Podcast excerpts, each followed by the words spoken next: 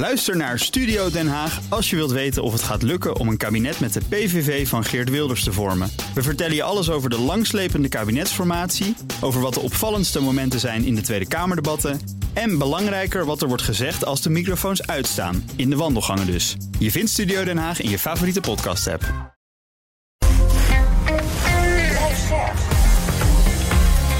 BNR Nieuwsradio. BNR breekt. Conor Klerks. Welkom bij BNR Breekt. Vanaf half twaalf praten we over het nieuws van de dag. Bijvoorbeeld over het mooiste stukje Nederland, Limburg natuurlijk. Want daar lukt het wel om een flink aantal boeren uit te kopen, dat schrijft de Volkskrant. Maar nu is het geld wel op. En we praten over vapes en e-sigaretten. Want de meerderheid van de Tweede Kamer vindt dat die er nog te cool uitzien. En dus moet die meer op een gewone sigaret gaan lijken, blijkbaar. In mijn panel vandaag Jasmin Ait Abderrahman, voorzitter van FNV Young and United. En Laura Bas, publieke spreker en Z-expert. Welkom allebei. Dankjewel. En we beginnen met... BNR breekt. Breekijzer. En dat breekijzer heeft te maken met vrouwen, maar ook met mannen. Want in maar liefst twee derde van de meest voorkomende beroepen in het MKB... krijgen vrouwen nog steeds minder betaald dan mannen. Dat blijkt uit onderzoek van Van Spaandonk Groep... dat uiteraard op Internationale Vrouwendag vandaag wordt gepresenteerd. Het gaat dan vooral om de cliché mannenberoepen... zegt Jade Karthaus, hoofdredacteur van MKB Service Desk. Teamleider, 13,9 procent uh, minder verdienen vrouwen daar. Of de accountmanager, nou, daar verdienen vrouwen 11,6 procent minder... Ik heb hier ook monteur bijvoorbeeld bij staan. Nou, 12,2% minder. Volgens Karthaus is er een onderliggend loonsverschil. Vrouwen verdienen gemiddeld 6% minder dan mannen. Maar daarnaast is er ook een ander groot verschil. Er zit een verklaring van dit loonsverschil om deels in het feit dat vrouwen veel vaker part-time werken. Um, een andere verklaring zit hem ook in werkervaring. Dus omdat we zien dat vrouwen vaker een onderbreking in hun carrière hebben, of dus minder uren werken per week dan mannen, bouwt hun werkervaring minder snel op. Dat is ook een belangrijke verklaring die dus hand in hand gaat met dat part-time werken. Want het klopt inderdaad dat vrouwen dat vaker doen is het dus tijd voor de mannen om een stapje opzij te doen, zodat de vrouwen meer carrièrekansen krijgen. En zelf misschien eens wat meer tijd gaan besteden aan het eh, gezin en het huishouden als er kinderen komen. Ons breekijzer, beloningsongelijkheid is geen vrouwenprobleem, maar een mannenprobleem. Wat denk jij? Ben je het eens en vind je dat mannen inderdaad wat vaker een stapje opzij moeten doen? Misschien zelf parttime moeten gaan werken om de vrouw een kans te geven carrière te maken? Of ben je het oneens en denk je dat we met een vrouwenquotum en de ambitie om de loonkloof te dichten wel gaan komen? Of ben je voor een andere oplossing? Bijvoorbeeld gratis kinderopvang, ik zeg maar wat. In elk geval kun je bellen naar 020 468 4x0. Je kan ook stemmen via de stories van BNR Nieuwsradio op Instagram. Aan het einde van dit half uur krijg je een tussenstand van me. En digitaal bij ons Sophie van Gol, economen, oprichter van Salarisstijger en schrijver van het boek Waarom vrouwen minder verdienen en wat we eraan kunnen doen. Sophie, welkom. Dankjewel, goedemorgen. Hoe kijk uh, jij naar ons breekijzer? Nou, ik ben blij dat eindelijk eens de rol van de man uh, belicht wordt. Na jaren de besje van de, de, vrouwen en wat ze allemaal anders moeten doen. Um, interessant, ook dit onderzoek, maar ook ja, niet echt verrassend. CBS onderzoekt ook ieder jaar de loonkloof en er komen vergelijkbare cijfers uit. Ja. Um, en ja, ik denk dat je al een aantal oplossingen noemde, inderdaad. En dat het heel belangrijk is dat mannen nou, een stapje terug of misschien een stapje vooruit in huis gaan doen. Want als je kijkt ook naar de geschiedenis, zie je dat eigenlijk de afgelopen 50 jaar ontzettend veel is veranderd in het werkende leven van vrouwen. Ze zijn eerst heel succesvol geworden in het onderwijs, daarna in grote getalen de arbeidsmarkt opgegaan. Um, maar dat er in het werkende leven van mannen eigenlijk nog heel weinig veranderd is. En heel veel hetzelfde is gebleven vergeleken met de generatie van onze vaders en onze grootvaders. Dus dat het echt wel tijd is dat mannen uh, ja, net zo hard uh, aan het werk gaan in huis. En we daarmee meer gelijkheid gaan krijgen gaan we het zo eh, uitgebreid over hebben. Laura, wat is jouw reactie op het breekijzer? Ja, ik wil de breekijzer graag wat eh, breder trekken. En ik wil gewoon zeggen, genderongelijkheid is ook een mannenprobleem. In plaats van het alleen hebben over uh, gelijke beloning. Kijk, gelijke beloning is natuurlijk een onderdeel van deze kwestie. Het is maatschappelijk mhm. veel breder. En wat je heel erg vaak ziet met gelijke beloning... is dat het natuurlijk lekker, hè? veel emotie roept dat op... en dan zeggen allemaal mensen dat kan helemaal niet, ongelijke beloning... want het is verboden bij de wet. Maar wat je bijvoorbeeld ziet, hè, wat ze ook in het artikel noemen... is dat als vrouwen kinderen krijgen, dat ze dan minder gaan werken. Maar er wordt bijna nooit gevraagd naar naar de waarom. Van hoe kan dat nou?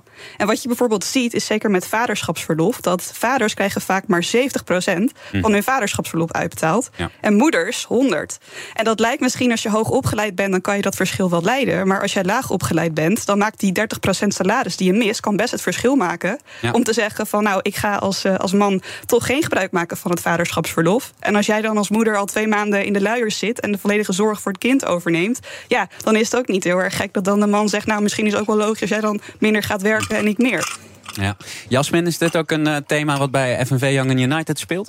Ja, zeker. Eh, toevallig met Sophie hier eh, ook in het verleden op, op samengewerkt. Ik ben het eens met het breekijzer. Ik denk ook dat dat echt ja, zeker ook een mannenprobleem is. Om twee redenen. Die 6% die eerder werd genoemd, dat is eigenlijk het verklaarbare deel van, van de loonkloof. En als er een loonsverschil is tussen mannen en vrouwen, dan is dat natuurlijk belangrijk om te onderzoeken. Dus waar komt dat dan precies door? Ja. En in sommige sectoren, heeft BNR volgens mij ook een onderzoek eh, over uitgebracht, is het zelfs zo dat vrouwen meer verdienen dan mannen. En dan moet je dus kijken, nou, waar komt dat dan door? Is het dan bijvoorbeeld zo dat eh, vrouwen of mannen, als ze meer verdienen, eh, echt meer ervaring hebben of hoger opgeleid zijn? Dan is er natuurlijk geen sprake van loondiscriminatie. Maar als dat wel zo is, en dat weten we dus, dat dat gewoon in 6% van de gevallen, dat het, dat het dus echt om 6% gaat van onverklaarbaar verschil, ja, dan is er gewoon keihard discriminatie eigenlijk. Ja, en daar moeten we natuurlijk op ingrijpen. Dus eh, nou, je zou bijvoorbeeld kunnen denken aan eh, loontransparantie. Eh, want wat we weten is dat vrouwen heel vaak niet eens te weinig verdienen, maar dat mannen vaak te veel verdienen. Dus dat ze boven hun CAO gaan zitten. Nou, en daar heb je als vrouw dan ook niet zoveel tegen in te brengen. Want dan is het gewoon van ja, je verdient volgens je CAO verdien je gewoon genoeg.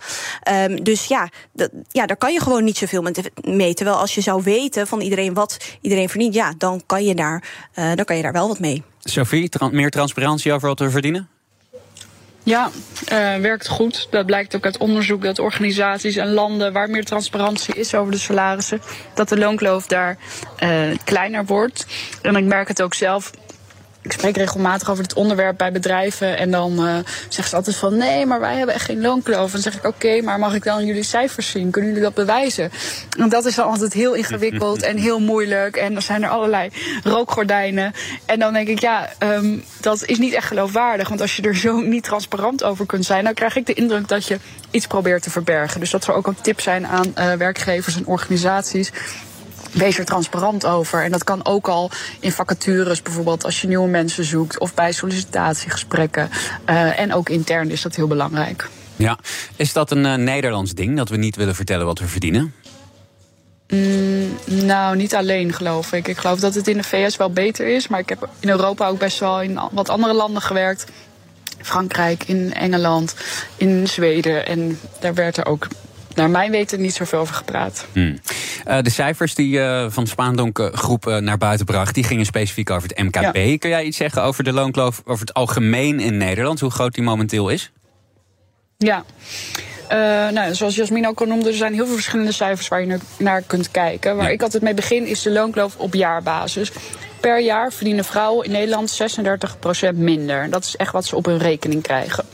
Dat zorgt ervoor dat bijna de helft van de vrouwen niet financieel onafhankelijk is.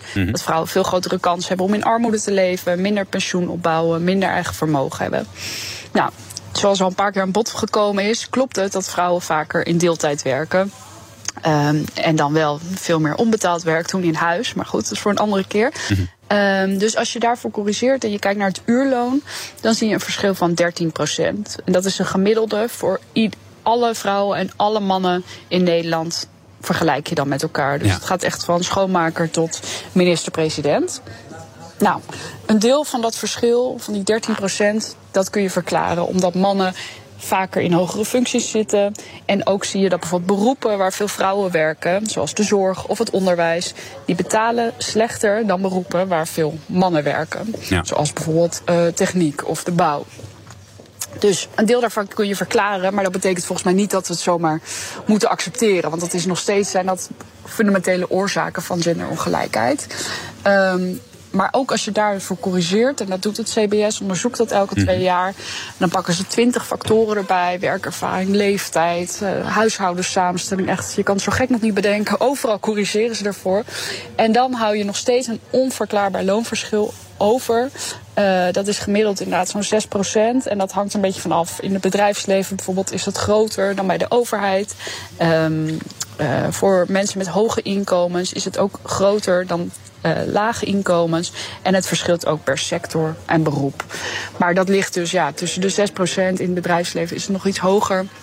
En dat is dus bijna een maandsalaris wat je als vrouw misloopt.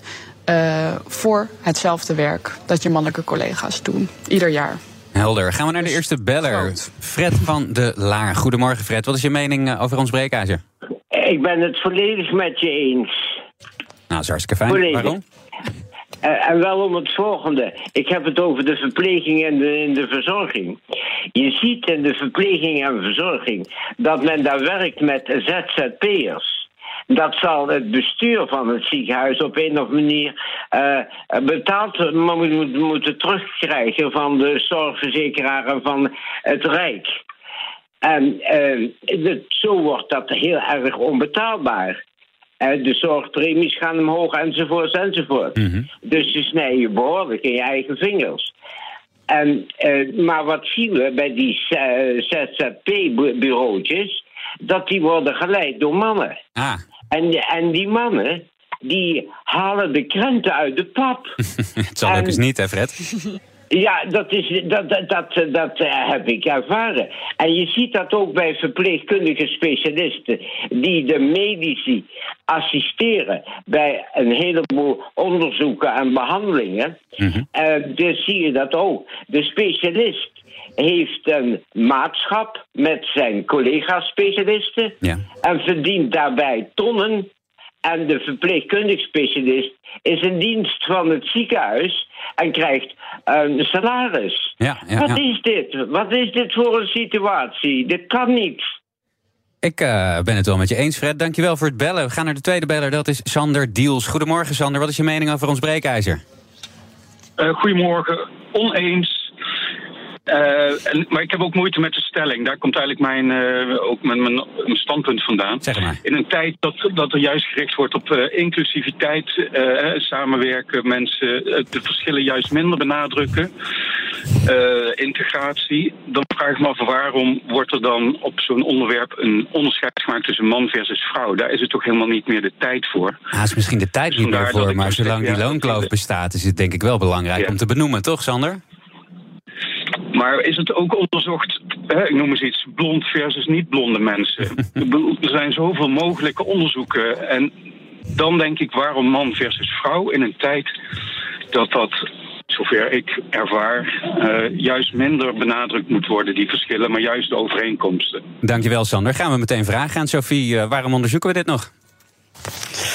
Poeh, ja, dit. Uh, ja, er zijn inderdaad er zijn meer problemen op de wereld. Maar het is een feit dat uh, de loonkloof bestaat. En die is er inderdaad op verschillende manieren. Je ziet ook bijvoorbeeld dat vrouwen en mannen met migratieachtergrond minder verdienen dan mannen en vrouwen zonder migratieachtergrond. Dus daar moeten we het ook zeker uh, over hebben.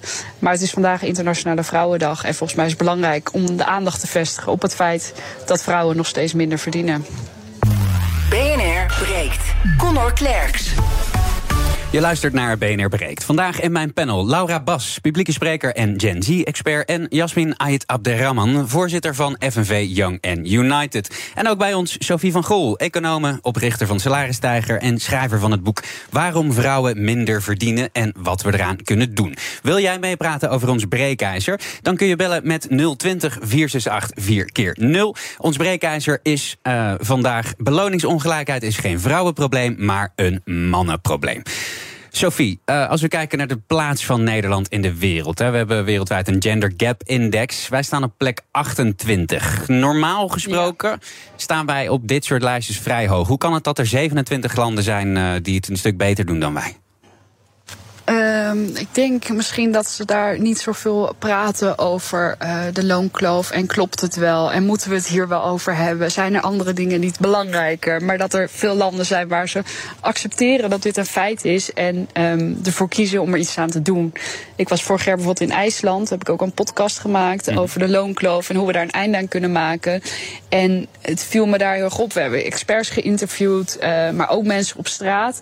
En dat het gesprek gewoon echt van een hoger niveau is dan in Nederland. Als je mensen vraagt, ja, wat vind je ervan? En het onbetaalde werk en dat vrouwen dat zoveel doen. Uh, iedereen is het erover eens dat daar wat aan moet veranderen. En ook in de politiek en in het beleid zie je dat dat is waar ze mee bezig zijn. Met loontransparantie creëren. Maar ook bijvoorbeeld met hogere salarissen voor beroepen waar veel vrouwen in werken. Ze denken heel actief na over hoe ze mannen en vaders meer uh, thuis kunnen betrekken. En stimuleren dat ook echt, dwingen ze bijna zou ik zeggen, door weet je, vaderschapsverlof volledig te vergoeden. Ja. Het vervalt ook als ze het niet opnemen. Uh, dus ik denk, wat ik daar wel heb gezien, is veel meer gericht op oplossingen en wat gaan we eraan doen. Terwijl ik vind dat we in Nederland heel vaak blijven hangen in discussies van klopt het eigenlijk wel? Uh, is dit wel waar? Is het wel een probleem? En ligt het niet gewoon aan vrouwen zelf? Wie is uh, we in dit geval? Want ja, wij hebben het er in een radioprogramma natuurlijk over. Maar ja. wie moet deze knoop uh, doorhakken en waar loopt het vast? Is dat politiek Den Haag? Ja, ik denk wel vooral politiek Den Haag. Je ziet dat de afgelopen kabinetten dat er eigenlijk heel weinig is gebeurd. En dat er ook uh, zelfgecreëerde uh, ja, problemen of beleid. Bijvoorbeeld het deeltijdwerken van vrouwen. Dat is heel lang is bewust beleid geweest. Dat is heel erg gestimuleerd. Nog steeds wordt het gestimuleerd, ook door ons fiscale stelsel. Um, en tegelijkertijd vraagt minister Van Gennep zich dan weer af... ja, waar komt die parttime cultuur toch eigenlijk vandaan? Dan denk ik, nou, uh, uit jullie eigen koker, weet je wel. Die hebben jullie zelf bedacht. Um, dus ik denk dat het wel de hoogste tijd is dat Den Haag... Uh, ja, beter beleid gaat maken... en ook wat meer een visie hierop ontwikkelt. Van wat willen ze nou eigenlijk qua gendergelijkheid... en hoe gaan ze dat creëren? Ja, bij de Belastingdienst uh, verandert er de komende tijd niks... hebben we dit jaar nee. geleerd, want daar hebben ze geen mankracht voor. Wat kunnen we nog meer doen? Uh, nou, ik denk dat die verlofregelingen die eerder werden genoemd, dat die heel belangrijk zijn. Dus dat we zorgen dat iedereen dat ook op kan nemen. Dat het verlof voor alle ouders even lang wordt en evenveel vergoed. Zodat mm -hmm. mannen en vrouwen gelijke kansen krijgen om uh, voor hun kinderen te zorgen. En dat ze ook vanaf het begin een goede basis kunnen leggen. Goede kinderopvang is heel erg belangrijk. Ook daarvoor zijn plannen. Maar ja, er zijn ook nu al enorme tekorten. En die gaan waarschijnlijk alleen maar oplopen op het moment dat je het uh, gratis of bijna gratis gaat maken. Uh, maar ik denk ook dat er echt meer moet gebeuren aan uh, het controle en het handhaven van loondiscriminatie. Want mm. gelijk loon voor gelijk werk, dat staat in Nederland al bijna 50 jaar in de wet. Dus sinds 1975 zijn organisaties verplicht om mensen gelijk te belonen. Maar in de praktijk gebeurt het gewoon niet. Ik spreek elke dag weer, dan krijg ik verhalen of berichtjes van vrouwen zeggen ja, wat ik nu heb meegemaakt en ik ben erachter gekomen. Mijn collega zit een schaal hoger en we doen het precies hetzelfde. Of ik heb meer ervaring dan hij. Um, maar je staat nu als vrouw, als werknemer, sta je best wel machteloos als dat je overkomt. Dus ik denk dat het heel belangrijk is dat uh, we de bewijslast gaan verschuiven. En dat er meer transparantie uh, komt over die salarissen. Om dit, uh, ja, die loonkloof te dichten. Hoe zou ik me dat voor moeten stellen? Moeten we dan bij private bedrijven een beetje meer op, op de overheid gaan, gaan, gaan lijken? Dat er echt een, een, duidelijke schaalindeling is, bijvoorbeeld. Dus ik kijk even gewoon naar links. Ik zie hier een redactie met een heleboel redacteuren. Er zitten een paar freelancers ja. bij. Er zitten een paar mensen vast in dienst. Ik denk niet dat ja. zij allemaal hetzelfde verdienen. Zeker niet, nee. Ik weet ook niet of ik vind dat ze allemaal hetzelfde zouden moeten verdienen eigenlijk. Nee, klopt. Dat hoeft ook niet. Er zijn ook uh, juristen die er heel veel van af weten. Maar het gaat erom dat je gelijk loon krijgt voor gelijk werk. Dus als iemand ja. meer werkervaring heeft, duidelijk, of veel meer verantwoordelijkheid, dan mag je diegene daarvoor belonen. Maar je moet er wel een goede verklaring voor hebben. Ja. En je ziet dat dat in de praktijk heel vaak uh, niet gebeurt. Of, of dat de verklaring is, ja, die kwam binnen op een moment dat we heel groot tekort hadden. Dus daarom hebben we hem 500 euro extra gegeven. En dat is uh, altijd zo gebleven. Weet je wel, dat soort verklaringen. En dat ja. zou niet uh, moeten mogen. Dus er zijn ook er is een wetsvoorstel een paar jaar geleden gedaan, nog door Lilianne Ploemen vanuit de Tweede Kamer toen. En inmiddels is er ook vanuit Europa komt er een richtlijn over loontransparantie aan. Vanuit de Europese Commissie. Uh, Samira Rafaela van D66 was daar ook een van de uh, hoofdonderhandelaars. En uh, dat wetsvoorstel gaat erover dat bedrijven uh, verplicht worden om te gaan controleren intern of zij mensen gelijk belonen en dat ze daarover moeten gaan rapporteren. En dat als ze verschillen vinden die ze niet kunnen verklaren op basis van logische dingen zoals werkervaring, uh, dat ze die moeten gaan dichten. Ja. Um, en dat is denk ik een grote verbetering. Ja, dat is denk ik inderdaad heel belangrijk. Het verschuiven van die bewijslast. Want nu hoor je inderdaad heel vaak van, nou moeten vrouwen niet vaker hun bek opentrekken. Uh, mannen zitten misschien boven die CAO, maar dat komt ook omdat ze daar iets van zeggen. Uh, toevallig voor deze uitzending had ik iemand aan de telefoon, een man, niet geheel toevallig, zonder diegene te shamen. Maar die zei precies hetzelfde. Van ja, als dat verschil er dan is, omdat mannen hun mond opentrekken, moeten vrouwen dat dan niet vaker gaan doen. Um, nou, ik wil die mythe bij deze de wereld uithelpen. Want wij hebben zelf binnen de FNV een onderzoek uitgezet. En daaruit blijkt dat vrouwen echt even vaak hun mond opentrekken als mannen. Uh, en net zo veel onderhandelen als mannen dat doen. Uh, maar, gewoon die, uh, maar dat loon gewoon niet krijgen. Ah. Dus het ligt niet, dat wil ik even gezegd hebben. Ja, sommige mensen denken dat echt, het ligt echt niet bij de vrouwen. Uh, het lijkt me logisch dat als de helft van de beroepsbevolking ergens tegenaan loopt, dat het niet aan die helft van de mensen ligt. Dus het probleem moet echt bij de wortel aangepakt worden. Ik wil het zo even met je over die werkgevers hebben. Maar eerst even naar een beller. Dat is Nico. Goedemorgen, Nico. Wat is je mening over ons breekijzer? Ja, goedemorgen ook. Nou, ik ben van mening dat als vrouwen dezelfde kwaliteit hebben als een man, dat ze minstens evenveel moeten verdienen. En het is helaas jammer dat er te veel mannen in die laag zitten om dat te beoordelen, waardoor de vrouwen toch minder krijgen. Hmm. Een ander punt vind ik namelijk ook dat er toch wel een, een, aantal vrouwen zijn die aan de top van het bedrijf staan. En ook in die bedrijven heb je dat er vrouwen te weinig verdienen naarmate van de kwaliteit die ze hebben. Dus ik, ik, ik, ik hoop dat, dat, dat mannen het punt aanpakken om de vrouwen te zorgen dat ze evenveel krijgen als ze dezelfde kwaliteit hebben. Dankjewel, Nico. Laura. Ja, wat Sofie net zei over IJsland, dat vond ik ook wel even benoemenswaardig. In IJsland heb je heel erg lang al een vrouwelijke president. En je ziet echt dat vrouwelijke representatie onwijs verschil maakt. Jongetjes op de basisschool in IJsland die vragen aan hun ouders: kan ik ook als man uh, president worden? Dat inderdaad, ze noemden ook de wet gelijke beloning. Die is inderdaad in 2019 al ingediend door Lilianne Ploemen. Komt niet van de grond. Dus daarin zijn we echt als overheid heel erg traag. En verder, wat ook heel erg goed helpt, is: het is vandaag Internationale Vrouwendag. Alle toeters en bellen worden door heel veel organisaties uit de kast uh, getrokken om te laten zien hoe belangrijk ze dit vinden. Maar bijna niemand publiceert zijn loonkloof. Dus publiceer je loonkloof. En om nog ander dingetje aan te vullen, wat we heel erg zien, inderdaad, als Sofie het net ook over. Dat we heel erg inderdaad willen gaan verklaren. Van ja, de loonkloof is te verklaren omdat vrouwen vaker parttime werken. Eh, omdat ze last hebben van de babyboete. Maar ik wil even een vergelijking maken naar bijvoorbeeld in de pandemie zagen we ook dat um, mensen met lage inkomens twee keer zoveel kans hadden om corona te krijgen. Mm -hmm. En daarvan kan je ook zeggen, ja, maar dat komt omdat zij in kleinere huishoudens wonen, waardoor ze sneller besmet raken. Uh, omdat ze ongezonder eten. Omdat ze daarvoor zeg maar minder geld te besteden hebben. En omdat ze minder sporten. En dan kan je ook zeggen, ja, dat komt dus niet um, doordat ze minder geld verdienen. Maar dat komt door al deze verklaarbare redenen. En dat doen we nu eigenlijk ook bij de loonkloof. Ja, Sophie, uh, we hebben het al veel gehad over, uh, over het Rijk eigenlijk. Maar um, de mm -hmm. werkgevers die, die hebben eigenlijk de, de, de sleutel in handen om dit op te lossen, toch? Zeker, de sleutel, niet alleen de sleutel, maar ook de wettelijke plicht. Ik denk dat dat wel belangrijk is, dat heel veel werkgevers zich dat niet eens realiseren. Dat als ze mannen en vrouwen ongelijk belonen voor gelijk werk, dat ze gewoon de wet aan het overtreden zijn. Um, dus het is ook niet zo van, nou, ik ga iets aardigs doen uh, voor die vrouwen. Nee, je bent je gewoon aan de wet aan het houden. Um, en vandaag is een mooie dag, zou ik zeggen, om daarmee te beginnen. Om transparant te zijn over salarissen, om gewoon intern dat eens te gaan controleren. En inderdaad niet proberen alles zoveel mogelijk weg te verklaren. Maar gewoon eens even kritisch te kijken van. Hmm, als ik er echt objectief naar probeer te kijken, of haal er iemand bij, of vraag een externe. Uh, ja, wat vinden we dan van deze verschillen? Staan we hier achter of niet? Zou het uh, stand houden als we hiervoor zouden worden aangeklaagd? En ga er iets doen. Ga, die verschillen corrigeren.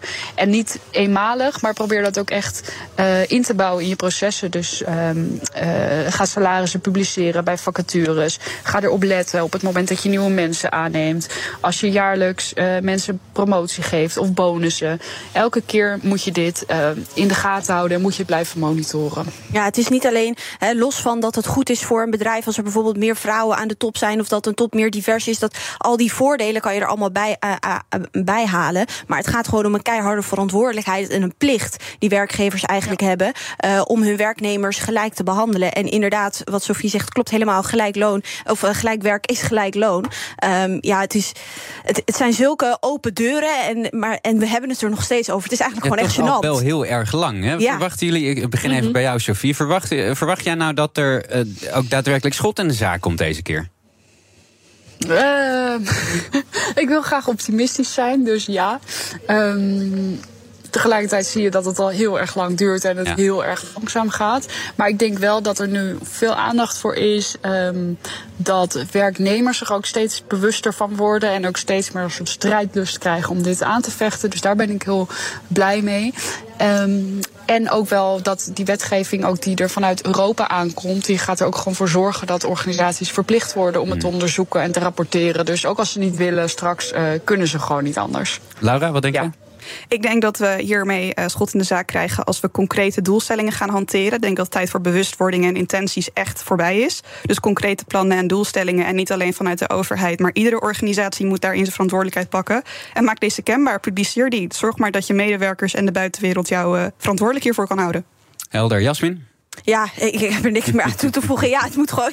Wat ik net zeg, het is gewoon gênant dat we het er nog over hebben eigenlijk. Oké, je kan nog de hele dag stemmen op ons breekijzer. Beloningsongelijkheid is geen vrouwenprobleem, maar een mannenprobleem. Kun je doen op Instagram, het BNR Nieuwsradio.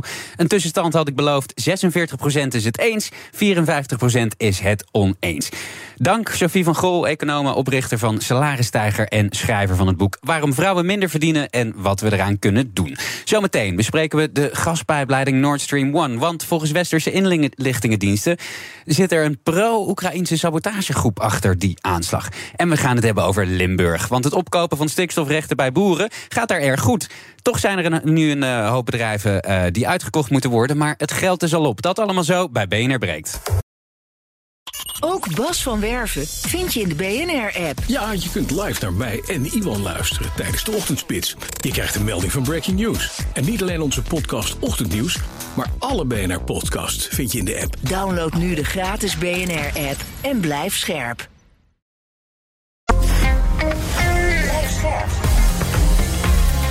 BNR Nieuwsradio. BNR breekt. Conor Klerks.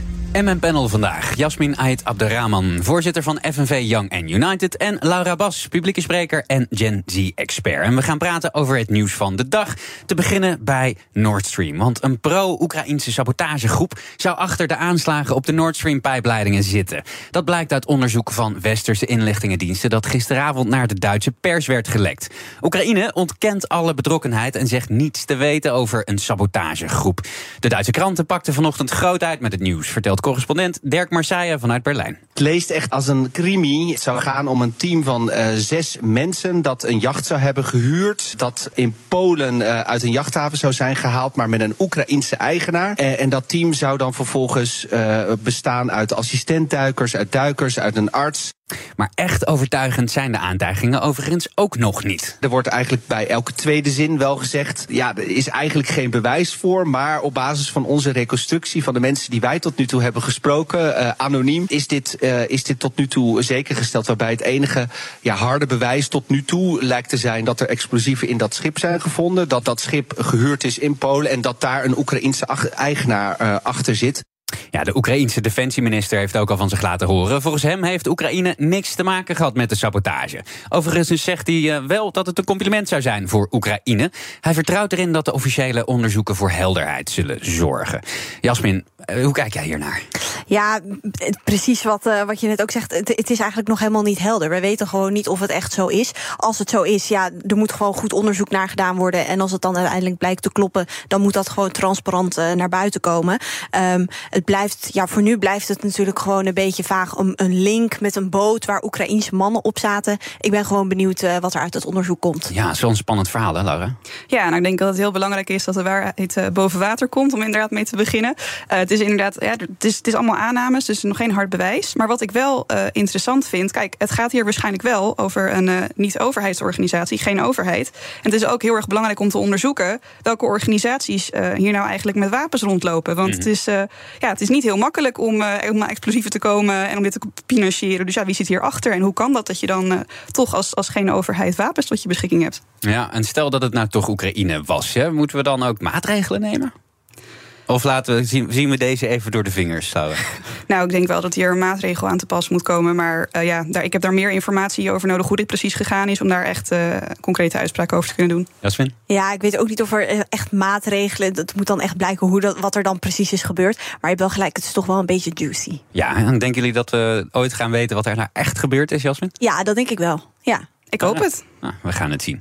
Gaan we naar Limburg. Uh, daar is geen oorlog, gelukkig. In tegenstelling tot elke andere provincie slaagt Limburg er wel in om boeren uit te kopen. Dat meldt de Volkskrant. Ruim 150 boeren zijn blijkbaar best bereid om vrijwillig te stoppen. Nou, dat is mooi nieuws voor de doelstellingen van die provincie. Maar ze stuiten nu op een nieuw probleem. Het geld is op. En dus uh, ja, zijn er boeren die wel willen stoppen, maar de provincie heeft niks meer te bieden. Laura is een beetje pijnlijk, hè? Ja, ik vind het echt een heel groot onvermogen van de overheid. Kijk, hè, de stikstof gijzelt de economie economie. Het is bepalend in de provinciale statenverkiezingen. Er worden honderden miljoenen, dan wel niet miljarden vrijgemaakt door de boeren. Hebben we hier 150 boeren laaghangend fruit die zeggen: Nou, kom maar op, koop me maar uit. En dan kunnen we dat ze gewoon niet geven. En wat ik me daarnaast ook nog afvraag is: als er al 150 uh, in Limburg zijn, hoeveel boeren zijn er dan wel niet in andere provincies die ook uitgekocht moeten worden, willen worden? Jasmin? Ja, het gaat echt om, uh, het, gaat echt om heel veel geld. Dus uh, daar schrik je gewoon een beetje van. Um, het is, ik denk wel echt dat het een taak van de overheid is om perspectief te bieden aan boeren. Uh, dus als dat betekent, nou, als boeren gewoon opgekocht willen worden, dan moet dat natuurlijk gewoon kunnen. Tegelijkertijd moeten we ook gewoon keihard gaan reduceren. dus als er uiteindelijk nou boerenbedrijven zijn die niet voor, nou, om 2 miljoen gaat het nu bijna, um, uitgekocht willen worden, ja, dan moet, er als, dan moet het uiteindelijk alsnog gebeuren. Maar ik ben het helemaal met Laura eens. Ja, laag, laaghangend fruit. Mm. Waarom gebeurt het niet? Ja, als ik me even zo verplaats in die boeren... vind ik het wel ook weer bijzonder flauw. Hè? Want we hebben het de hele tijd over perspectief. Er moet een plan komen. Dan is er een regel. Zegt uh, boeren kunnen uitgekocht worden vrijwillig. Dan zeggen ze oké, okay, nou goed. Dan geef ik dus mijn bedrijf op. Koop mij maar uit. En zeggen ze ja, het geld is op. Ja. Kan toch niet?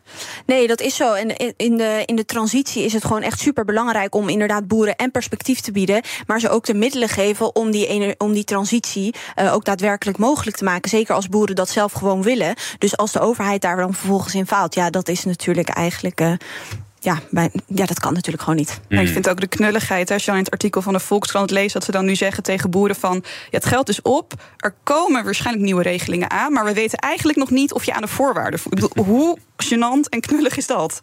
Ja, ik, heel erg in dit dossier uh, gevoel van regel het gewoon. Ja. Los, los gewoon op, joh. Ik heb dat bij meerdere dossiers, hoor, moet ik zeggen. Ja, daar kan ik me wel iets bij voorstellen. Ja, in Limburg gaat het dus juist nog wel redelijk soepel. Maar uh, gezien dat er uh, boeren zijn, in elk geval, die zich melden... en dat er al een aantal zijn uitgekocht. Uh, maar als we dan nu al zien dat daar het geld op is... verwachten jullie, laat ik bij jou beginnen, Laura... dan dat de andere provincies nog grotere problemen gaan hebben? Nou, kijk, wat je wel ziet is dat er inderdaad, ik net ook zei... honderden miljoenen, dan wel niet miljarden vrijgemaakt zijn... om, om boeren uit te kopen. Dus ik ga ja. er wel vanuit dat het in de toekomst wel gaat gebeuren. Maar de gang van zaken is is om te betreuren. Ja. Ja, Den Haag uh, zal toch uh, in moeten grijpen, denk ik, op een gegeven moment. Of moeten we dit bij de provincie laten? Want dat is eigenlijk ook weer een beetje flauw. Hè? Dat, dat wordt dan bij zo'n provincie neergezet. Maar ja, die hebben uh, x aantal euro om dat ja. te regelen. En dat hebben ze gekregen uit Den Haag. Is dat Den Haag die weer eigenlijk een beetje de verantwoordelijkheid afschuift? Ja, ik denk voor een deel inderdaad wel. Ik denk wel dat er vanuit Den Haag toch ook wel hard getrokken wordt als het gaat om, om het uh, stikstofdossier. Um, ik ben vooral heel erg benieuwd wat dit gaat betekenen voor de, de verkiezingen die daar aankomen. Uh, en de uitslag daarvan. Ik denk zelf dat de BBB echt superveel stemmen gaat winnen.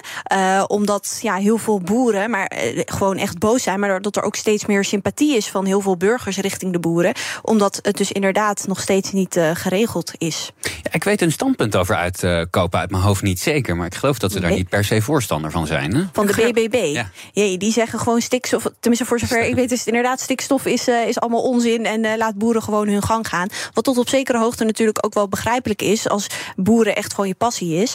maar ja, stikstof, ja, het, er moet gewoon gereduceerd worden. Dat is ook gewoon een feit.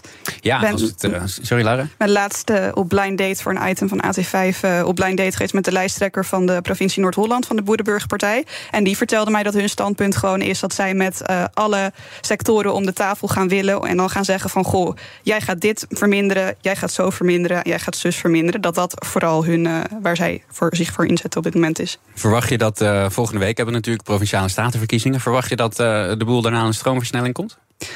Ik hoop wel dat er klappen gegeven gaan worden op dit dossier. Ik denk ook dat de uh, BBB veel stemmen gaat pakken. Toen ik zelf dus met die lijsttrekker uh, op, op lijn deed... was ik ook wel soort van verbaasd over de sympathie... die ik eigenlijk voelde uh, voor, voor deze partij. Terwijl ik zelf heel veel fronten ook niet met ze eens ben. En ik wat de BBB ook heel goed doet... is dat ze echt precies hun doelgroep aanspreken. Zij passen zich niet aan. Ze gaan niet ineens politiek jargon praten. Ze zijn gewoon recht voor hun raap en zeggen waar ze voor staan. En ik denk dat dat er wel voor gaat zorgen... dat alle boeren massaal van hun erven afkomen en naar de stembus gaan. Ja, al dan niet uh, met de trekker. Um, ja, we gaan maar eens uh, naar het eigen nieuws. Jasmin, wat is jou vanmorgen opgevallen in het nieuws? Uh, nou, wat mij is opgevallen is dat Mariette Hamer wil dat er in elk bedrijf verplicht een vertrouwenspersoon wordt ingesteld. Mariette Hamer is natuurlijk ja. regeringscommissaris voor seksueel overschrijdend gedrag. Um, en nou, dat er in de Tweede Kamer daar ook moties over ingediend worden door GroenLinks. Mm -hmm. om er dus voor te zorgen dat in elk bedrijf een vertrouwenspersoon is. Het is natuurlijk eigenlijk best wel gek dat dat nog niet het geval is. Dat je dus ergens werkt en dat er niet iemand is naar wie je kunt toestappen. dus ja, ik denk dat het heel belangrijk is dat dat, uh, dat dat straks gaat gebeuren. Je ziet in de Tweede Kamer opvallend genoeg wel dat er nog een aantal partijen zijn die, dat, die een uitzondering willen maken voor vooral klein, kleine bedrijven, dus voor het MKB, uh, VVD en CDA. Um, maar ja, vooral in het MKB, in kleine bedrijven, zijn de problemen rondom seksueel of overschrijdend gedrag in zijn algemeenheid best wel groot. Mm -hmm. En het is natuurlijk ook best wel logisch, omdat het vaak een intiemere sfeer is. er is ook minder controle, minder sociale controle. Um, dus nou, ik ben heel benieuwd hoe dat straks in de Tweede Kamer gaat. Maar het is best wel opvallend dat VVD en CDA zeggen dat ze, het, uh, dat ze uitzonderingen willen maken. Want zelfs de werkgeverskant, uh, dus VNO en CW, die zeggen ook ja, dit moet echt gaan gebeuren. Want het is natuurlijk eigenlijk heel apart dat je echt bij niemand terecht kan. En belangrijk om ook te noemen is natuurlijk dat het hiermee gewoon nog niet is opgelost. Hè? Dus een vertrouwenspersoon in elk bedrijf, daarmee heb je de problemen niet opgelost. En je moet ook echt voor uitkijken dat je niet ja, de verantwoordelijkheid bij een slachtoffer neerlegt. Dus tegen mensen zegt, nou meld je maar vaker, want het probleem zit gewoon op, bij de cultuur op die werkvloer. Maar zeker heel belangrijk dat we dit in elk geval regelen. Ja, als ik toch even de VVD-bril uh, opzet. Hè. Ik pak mijn biertje en mijn bitterbal erbij. Um, als je kijkt naar zo'n MKB-bedrijf. We hadden bijvoorbeeld ja, een MKB-bedrijf. Dus vaak man, vrouw, getrouwd, hebben misschien twee werknemers. Dan heb je een baas. Wie wordt dan vertrouwenspersoon? De vrouw van de baas. Dat zagen we ook bijvoorbeeld bij het ja. De Bali. Dat, dat werkt niet hè, nee. op die manier. Kun je niet een klein beetje uh, verplaatsen in dat standpunt... dat als je zo'n bedrijf hebt met waar twee, drie mensen werken, dat het een beetje gek is om dan één persoon daarvan als vertrouwenspersoon aan te wijzen. Zeker als het om een familiebedrijf gaat, bijvoorbeeld. Ja, dat is ook heel erg gek. Dus daarom is het ook heel belangrijk om daarop te controleren. En bijvoorbeeld dat de arbeidsinspectie daar uh, echt op gaat controleren. Dus is er een vertrouwenspersoon? Wat wordt er gedaan met klachten die binnenkomen? Wie is die vertrouwenspersoon dan precies? Uh, en je moet je ook realiseren dat voor heel veel mensen het echt een hele hoge drempel is om zich te melden. Zeker ja. bijvoorbeeld voor jongeren die misschien een tijdelijk contract hebben of ZZP'er zijn. Als jij een jaarcontract hebt en je meldt iets, ja, dan kan je contract gewoon niet verlengd worden. Uh, dus ja, daar, daar moeten we wel echt iets mee. Dus inderdaad, dat is best wel spannend. Maar dat, ik zou zeggen, andersom, des te meer reden om zo'n vertrouwenspersoon te verplichten. Ja, gaan we heel even luisteren naar mevrouw Hamer. Een veilige werkvloer levert tevreden mensen op. Uh, en dan gaat de productie over het algemeen omhoog. He, dus, en het werk wordt veel beter met elkaar. Dat weten we ook uit allerlei onderzoek. Dus het is ook juist voor werkgevers belangrijk om die rust te hebben. Laura, kun je erin vinden? Ja, zeker. En ik denk ook dat het heel belangrijk is om uh, net een extern persoon hiervoor te hebben. En het is ook niet dat je, als jij als klein als MKB een vertrouwenspersoon hebt, dat je dan iemand voor 40 uur in de week moet inhuren. Dit is gewoon iemand waar mensen naartoe kunnen uh, als ze er last van hebben. Je moet wel het bedrijf een beetje kennen, toch? Ja, maar ik heb, ook best, ik heb zelf ook wel bij organisaties waar, waar ze een vertrouwenspersoon hadden. En die kwam gewoon één keer per jaar bij de personeelsvergadering. En die zei: Nou, als jullie een probleem hebben, dan weet je me te vinden. Ja. Uh, en ja, ik, ik kan me ook heel goed voor. De drempel is groot. Als je een probleem hebt met je manager, dan voel je je misschien ook helemaal niet comfortabel om dat tegen zijn manager te zeggen. En een vertrouwenspersoon kan daarin echt wel een verschil maken. En uh, nou, we hebben natuurlijk ook gezien bij uh, The Voice hoe belangrijk het is dat die er zijn. Ook Thomas van Zeil vind je in de BNR-app. Je kunt live naar mij luisteren in Zaken doen. De BNR-app met breaking news, het laatste zakelijke nieuws... en je vindt er alle BNR-podcasts, bijvoorbeeld Het Nieuwe Geld. Download nu de gratis BNR-app en blijf scherp. BNR breekt. 12 uur dus. BNR Zaken doen met Thomas van Zeil. Laura, jij wilde het hebben over het aantal vrouwelijke politici. Ja, dat klopt. Want het is namelijk gebleken dat die uh, veel meer te maken krijgen met uh, haat dan mannen. En ik vond dat eigenlijk hè, op Internationale Vrouwendag best wel een uh, chockerende ja, nieuwsartikel. Mm -hmm. Ook omdat heel vaak met Internationale Vrouwendag zeggen mensen van nou is het nogal nodig en het gaat dus hartstikke goed met genderongelijkheid. En dan zie je dus eigenlijk in dit nieuws dat mensen zeggen van nou vrouwen krijgen zoveel, met zoveel meer haat dan mannen te maken. Dat dit er uiteindelijk voor zorgt dat experts zich er zorgen over maken of dit niet toe gaat leiden dat vrouwen juist minder de politiek ingaan. En je ziet ook dat er onderzoeken naar gedaan is. De Groene Amsterdammer heeft in 2021 hier een groot onderzoek naar verricht. En die concludeerde dat 10% van de tweets naar vrouwelijke politici haatdragend was. En bij Kaag of een Sylvana Simons was dit nog veel hoger. Kaag die kreeg in tijden van verkiezingen ieder kwartier een, een haattweet. En ja, daar maak ik me best wel zorgen. En ik denk ook eigenlijk, hè, het kost ook gewoon tijd om hiermee om te gaan. Als je dan leest dat politieke partijen nu trainingen in het leven gaan roepen om hè, politici te gaan trainen hoe ze om moeten gaan met, met haat en bedreigingen, dan denk ik wel, jongens, waar zijn we mee bezig? Ja, dat kan ik me voorstellen. Waar ligt de oplossing? Nou, ik denk wel dat daar meer. Uh, kijk, het is natuurlijk uh, met, met haattweets en dat soort dingen zit je natuurlijk heel erg met vrijheid van meningsuiting. Maar je zit natuurlijk wel, hè, bedreiging moet wel echt de grens zijn. En ik vind best dat daar meer op gehandhaafd mag worden. Dat als er daadwerkelijk bedreigende tweets worden gestuurd, dat daar meer uh, aangiften gedaan mogen worden. Maar dat ook vanuit platformen zelf er actie op ondernomen wordt. En ook een stukje maatschappelijke opvoeding. Van, ik heb het zelf ook een keer meegemaakt. Ik heb twee of drie jaar geleden een keer een interview gegeven aan een pensioenfonds over de loonkloof. Ja. En ik was toen begin twintig. En ik kreeg ook ja, reacties van mannen die op die post reageerden dat de enige kloof die gedicht moest worden, de kloof tussen mijn benen was. En dan, Oh, dat zeg man. je dan tegen een meisje van begin twintig. Ja, ja, en wat nog frappanter was, de, de, de pensioenfonds reageerde heel ad rem en die begon op al die boze mannen te reageren met nou, wij hebben in ons bedrijf wel een loonkloof geconstateerd, hij bestaat dus echt. En wat deden die mannen toen? Die begonnen allemaal massaal hun comments te verwijderen alsof ze niks gezegd ja, hadden. Dus dat werkte wel. Ja, ad rem reageren, maatschappelijke opvoeding. Ja. Ja, ja, maar dat ad rem reageren, dat, dat, in, in dit geval hoefde jij dat natuurlijk niet zelf te doen. Dus dan hoefde jij daar, je daar ook geen zorgen over te maken. Dat is wel wat lastiger, denk ik, voor eh, eh, vrouwen. Zeker als je kijkt op bijvoorbeeld gemeenteniveau. Kijk, dat eh Sigrid Kaag of Sylvana Simons, die zouden, zou je kunnen zeggen, iemand van hun partij op hun Twitter-account kunnen zetten om, om daar iets mee te doen. Maar als je natuurlijk gemeenteraadslid bent of iets dergelijks. Het is, Jasmin, ik heb heel erg het idee dat het een, een soort bewuste poging is om te ontmoedigen ook, hè? Ja, dat denk ik wel. Ik vind het overigens eigenlijk helemaal niet chockerend, want we weten dit natuurlijk al super lang, hoe pijnlijk Ja, het ook Twitter is. zie je het wel eh, vrij duidelijk. Ja, en dat is natuurlijk heel, heel erg anoniem. Ik denk wel dat echt die grote momenten, dus bijvoorbeeld, eh, nou, eh, een, tijdje, een tijdje terug dat Kaag met, met al die fakkels in, waar was het ook alweer? Diepen, waar was het? Diepenheim? Dat durf ik niet te zeggen. Ja, weet ik ook niet meer. Maar dat zijn in elk geval met die fakkels daar stond. Ja, dat zijn echt, dat is natuurlijk het topje van de ijsberg. En alles wat daaronder zit, zien we natuurlijk niet. Dus al die subtiele dingen die vrouwen of Mhm. eh, nou, andere gemarginaliseerde groepen meemaken, eh, die nog meer ontmoedigen ook. Eh, ja, het- is gewoon inderdaad heel belangrijk dat andere mensen zich daar ook over uitspreken. En dat het niet een eenzame strijd is. Hmm. Ja, en dat uitspreken, daar eh, ligt de oplossing. Uitspreken. Ja, en ik vind toch ook dat platformen, als er echt sprake is van bedreiging, gewoon accounts mogen blokkeren. Mhm. Zeker als het van die anonieme accounts zijn met nul volgers. En eh, ja. Ja, ik vind het overigens toch wel, het blijft ingewikkeld hoor, vind ik. Want je kan je, kunt je blijven uitspreken en blijven uitspreken en talkshow na talkshow het bespreken. Maar ja, op een gegeven moment heb ik dus ook zoiets van ja, en, en dan? Want het Ja. gebeurt nog Ja. steeds. Ja, daarom is aangifte doen denk ik ook wel belangrijk. Dat, je er, dat er daadwerkelijk een consequentie op zit. Dat je daarvoor veroordeeld kan worden. Ja, ja en ook gewoon binnen, binnen je bubbel, binnen je kring de discussie hierover aanvoeren. Van goh, wat vind jij hiervan? Heb jij wel eens een haatcomment geplaatst? Wat doet dat met je? Eh, want het zijn ook vaak minderjarige eh, ja, mensen, jongeren die dit ook vaak doen. stukje opvoeding. Ja, en ook op, ja, op school zou wel onder, onderdeel mogen zijn van maatschappijleer of eh, maatschappelijke vorming. Hmm.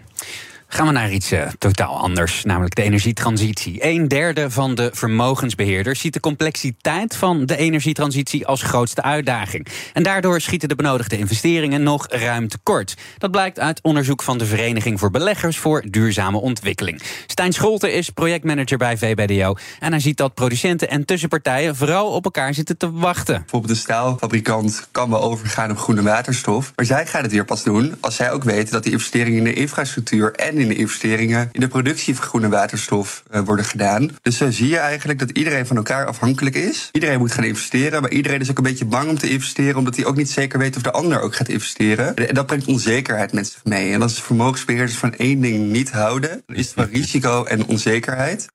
Ja, Laura, zo gaan we een kringetje rond en gebeurt er helemaal niks. Hè? Waarom durft niemand die eerste stap te maken, denk je? Nou, ik denk wat ik ook lastig vind aan dit onderwerp is: kijk, we weten nog niet of, de, of we over 20 jaar of over 50 jaar of het nou waterstofauto's zijn waarin we gaan rijden, of dat het nou elektrische auto's zijn. En dat maakt het heel erg moeilijk te, te voorspellen. Het is ook een complex uh, probleem. En wat het ook heel erg is, is um, ja, we hebben ook geen boegbeeld van organisaties die hier in het voortouw nemen. Er wordt ook in het opinieartikel gezegd van nou, we hebben eigenlijk gewoon iemand nodig die het voortouw neemt en hier actie op gaat ondernemen. Mm -hmm. En wat ik zelf uh, een oplossing vond, kijk, wij hebben het hier ook regelmatig over hè, dat we kerncentrales willen gaan bouwen. Maar wat doen we nou in Duitsland? In Duitsland gaan we nu massaal kerncentrales dichtgooien. Ja. Terwijl de bouw van een kerncentrale kost miljoenen, dan wel niet miljarden. Dus kunnen we dan niet als, als wij als Nederland zeggen, nou wij zouden zo'n kerncentrale willen, dat we dan met Duitsland gaan overleggen van goh, misschien moeten jullie die kerncentrale niet sluiten, dan hoeven wij hem niet te bouwen. Zou kunnen. Jasmin, wat denk jij? Nou ja, geld is natuurlijk het allerbelangrijkste instrument eigenlijk in de energietransitie. Dus de investeerders die zijn gewoon super belangrijk hierin. En ze zeggen zelf eigenlijk ook gewoon dat ze de handschoen gewoon zelf moeten oppakken. Want ze hebben gewoon zelf hier een verantwoordelijkheid in. Uh, en dat betekent wel dat ze dat echt samen moeten doen. Dus zij hebben het dan over uh, cross-sector engagement. Nou, het komt er eigenlijk op neer dat ze gewoon samen aan de slag moeten. Ja. Ze, moeten gewoon, ze moeten het gewoon gaan doen. Daar komt, dat is eigenlijk wat ze zeggen. Dus dat is het belangrijkste. Ja, als de investeringen achterblijven dan is dat natuurlijk uh, schadelijk voor de transitie. Gaan we kijken naar wat er trending is op social media. Hashtag Internationale Vrouwendag natuurlijk, want dat is vandaag volle aandacht voor alle vrouwen in de wereld. Dus gratis tip van de heer Klerks. Zet de favoriete vrouw in je leven vandaag even in het zonnetje. Met een klein beetje waardering kom je een heel eind. Zo schrijft althans mijn redacteur. Hashtag toeslagenaffaire is ook trending. Het Kamerdebat daarover ging tot, slot, uh, ging tot laat door gisteravond. Het debat zorgde voor emoties op de publieke tribune. Daar zaten veel gedupeerde ouders. En hun boodschap was duidelijk.